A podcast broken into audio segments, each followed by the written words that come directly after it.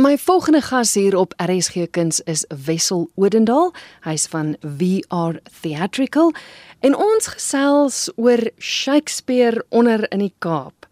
Shakespeare is te sien by die Meinhardwil Openligteater. Voor ons gesels oor die stuk. Die teater self, genade. Ek het my navorsing gedoen en gesien in die 1950s is die teater reeds begin. Ja, so die Meinhardwilfees het 'n baie ryk geskiedenis. Dit is in 1956 was die eerste Shakespeare daar opgetree. Dit was The Taming of the Shrew, wat julle almal seker sal ken. En dit was 'n groot sukses gewees. Natuurlik die teater was toe heeltemal anders gelyk as wat dit nou doen.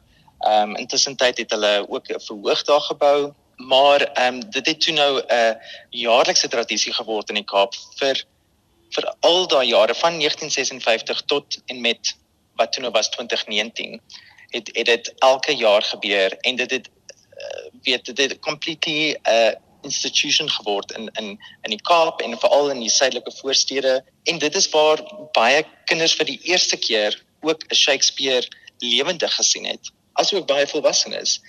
En so het dit toe nou gegroei en gegroei en 'n uh, en en heeltemal 'n belewenis geword Ek was nog nooit daar nie. Vir ander luisteraars wat elders in die land sit. Hoe hoe lyk die teater? Want ek weet ons het al baie daaroor gepraat en almal sê dis nie buitelug, maar as jy vir ons goue prentjie kan skep van hoe dit lyk. So dit is in die Meinertville Park, wat natuurlik 'n park is wat aan die stad Kaapstad behoort. Goed. En eh, binne in die park reg in die middel is daar so 'n amfitheater en dit is heeltemal omring met bome baie groot bome wat weet van wat nou baie lank groei en dit het dit is 'n perfekte natuurlike park. So met ander woorde die die waar die sitplekke is is natuurlik het 'n natuurlike ehm um, rek soos ons sê ehm um, wat dan nou mooi kyk na die verhoogarea en dit is heeltemal omring met bome. Die verhoog het 'n ongelooflike mooi het ook bome wat so van oor dit ehm um, strek en weet met ligte is dit absoluut magical. Dit het ehm um, so mense het amper nie eens 'n stel nodig nie want as 'n as 'n gehoor weet as 'n gehoor kan jy dit sien jy net hierdie mooi bome met ligte wat daar deurskyn. Dit is dis regtig dit is ek kan net sê dit is magical.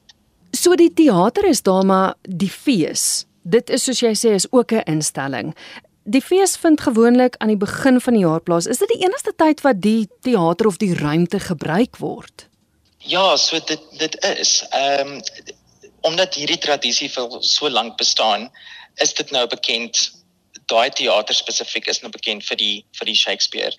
Die rede hoekom dit in daai tyd van die jaar gebeur natuurlik soos Kaapenaar sal verstaan, die res van die tyd is die weer aklig.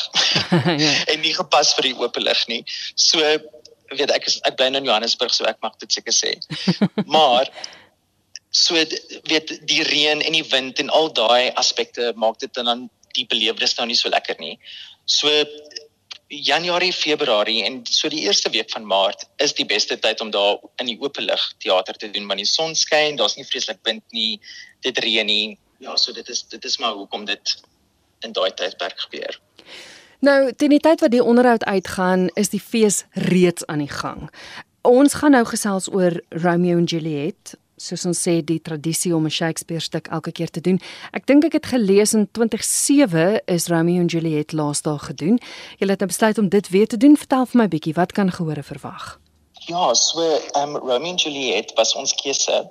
Ek wil net byvoeg so na die na die COVID um epidemie gebeur het, het um ongelukkig borgers soos soos Artscape en daai het onttrek want daar was natuurlik baie meer ernstige sake waarmee hulle moes um hulle tyd mee spandeer en ook hulle geld spandeer. Mm. So dis het het, het die het die um die board van van Maynardville het nou besluit het ons genader as VR Theatrical en gevra sien ons kans om dalk hierdie ding weer 'n hupstootjie te gee en weer aan die gang kry. En ons het met oop arms dit dit verwelkom.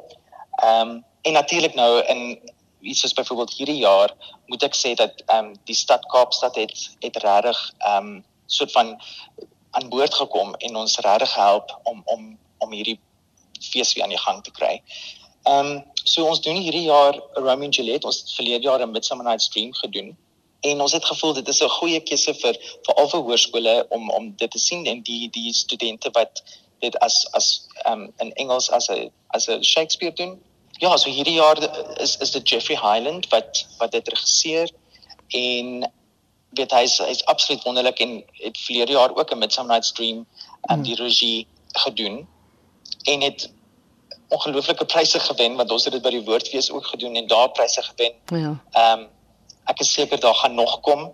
So weet dit is die tipe regisseur wat ons het aan die helm van hierdie storie en en hy maak absoluut wondere met met hierdie stuk. Ons het byvoorbeeld vir Simone Netling wat 'n wat pas ehm um, uit college uitkom wat die mooiste Juliet is. Uh, ek ek dink en natuurlik Naam Hughes wat uh, die Romeo speel. Hulle chemistry op die verhoog is dit is ook aansteeklik. Dit is net absoluut ongelooflik en natuurlik dit maak die tragedie daarvan ongelooflik dat dit jou tref. Dit mm. dit hierdie twee mooi mense sulke ehm um, nou deur daai hele storie moet gaan. Maar dis die tradisionele storie, dis die teks soos wat ons dit ken. Dit is ordentlike teater in aanhalingstekens as ek dit as ek dit so mag stel. Ja, dit is definitief. Dit is so Jeffrey Highland het hierdie ongelooflike manier om ook teater wat klassieke teater is heeltemal toeganklik te maak vir vir moderne gehore. Soos byvoorbeeld hy het gewoonlik in tradisionele terme is Romeo and Juliet wat omtrent 3 ure lank. Mm. Hy het dit so ehm um, kompak gemaak en regtig dat dit nie die die die die toneelstuk compromise nie. Hy het dit absoluut kompak gemaak sodat dit wel in onder 2 ure gebeur. Ehm um, wat natuurlik met met vandag se jong mense wat seker nie 'n uh, uh, attention span van 'n uh, halfuur het nie. Gaan dit definitief die moeite werd wees om om dit te kan want dit dit voel dan soos 'n soos 'n fliek, jy weet, in ehm um, in daai opsig.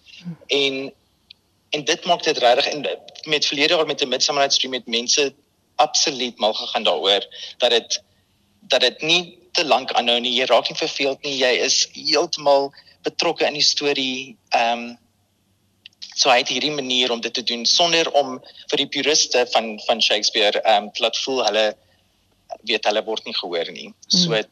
ek dink dit is 'n wonderlike ding. Daar's iets anders waaroor ek gou wil praat. Julle gee ook terug. Ek het eers gelees dat julle 'n opleidingsgeleentheid gee vir mense wat in die bedryf ondervinding wil opdoen. Het, het ek reg verstaan? Ja, so ons is ons het ehm um, vennootskap met Open Culture Foundation wat ehm um, deur Ronel Jordan sy is aan die helm van van hierdie storie. En sy het sy is self 'n verhoogtegnikus en het vir baie groot produksies soos ehm um, verhoogbestuur gewees en produksiebestuur gewees. En sy het hierdie behoefte om vir jong mense wat pas klaar gemaak het met hulle studies wat meestal dinge soos drama studeer het die geleentheid te gee om ook backstage te kan werk om dinge soos verhoogbestuur, kostuumontwerp, stylontwerp, ligte, ehm um, al daai tipe dinge wat meeste mense nie eens aan dink nie, wat net mense dink dit gebeur magically. Mm. Daar is so daar is 'n absolute skill wat daarmee saamgaan. En ongelukkig is daar nie meer so baie kursusse in Suid-Afrika wat dit aanbied nie. So ons het nou saam met hulle in 'n vennootskap ingegaan en besef hierdie is 'n perfekte platform om hierdie jong mense op te lei in hierdie ehm um, in hierdie veld. En dinge soos 'n openligteater, of dit kom met ongelooflike baie challenges. Ehm um, soos wat mense kan kan imagine. Mm en en hierdie is 'n perfekte geleentheid. Ek dink as jy dit kan maak werk in die oop lig, dan kan jy by enige teater gaan werk as 'n tegnikus. Mm -hmm. Gee gou vir ons die datums. Julle is reeds besig, maar tot wanneer is Romeo en Juliet te sien? So Romeo en Juliet speel tot die 24ste Februarie en dan die 25ste Februarie het ons 'n kooraand wat ek dink baie mense ook sal sal graag van wil weet. Ehm um, dit sluit kore in soos die Tygerbergse Kinderkoor, ehm um, the South African Youth Choir en ja, dit is definitief gaan ook 'n baie spesiale aand wees. Kaartjies is beskikbaar by Quicket.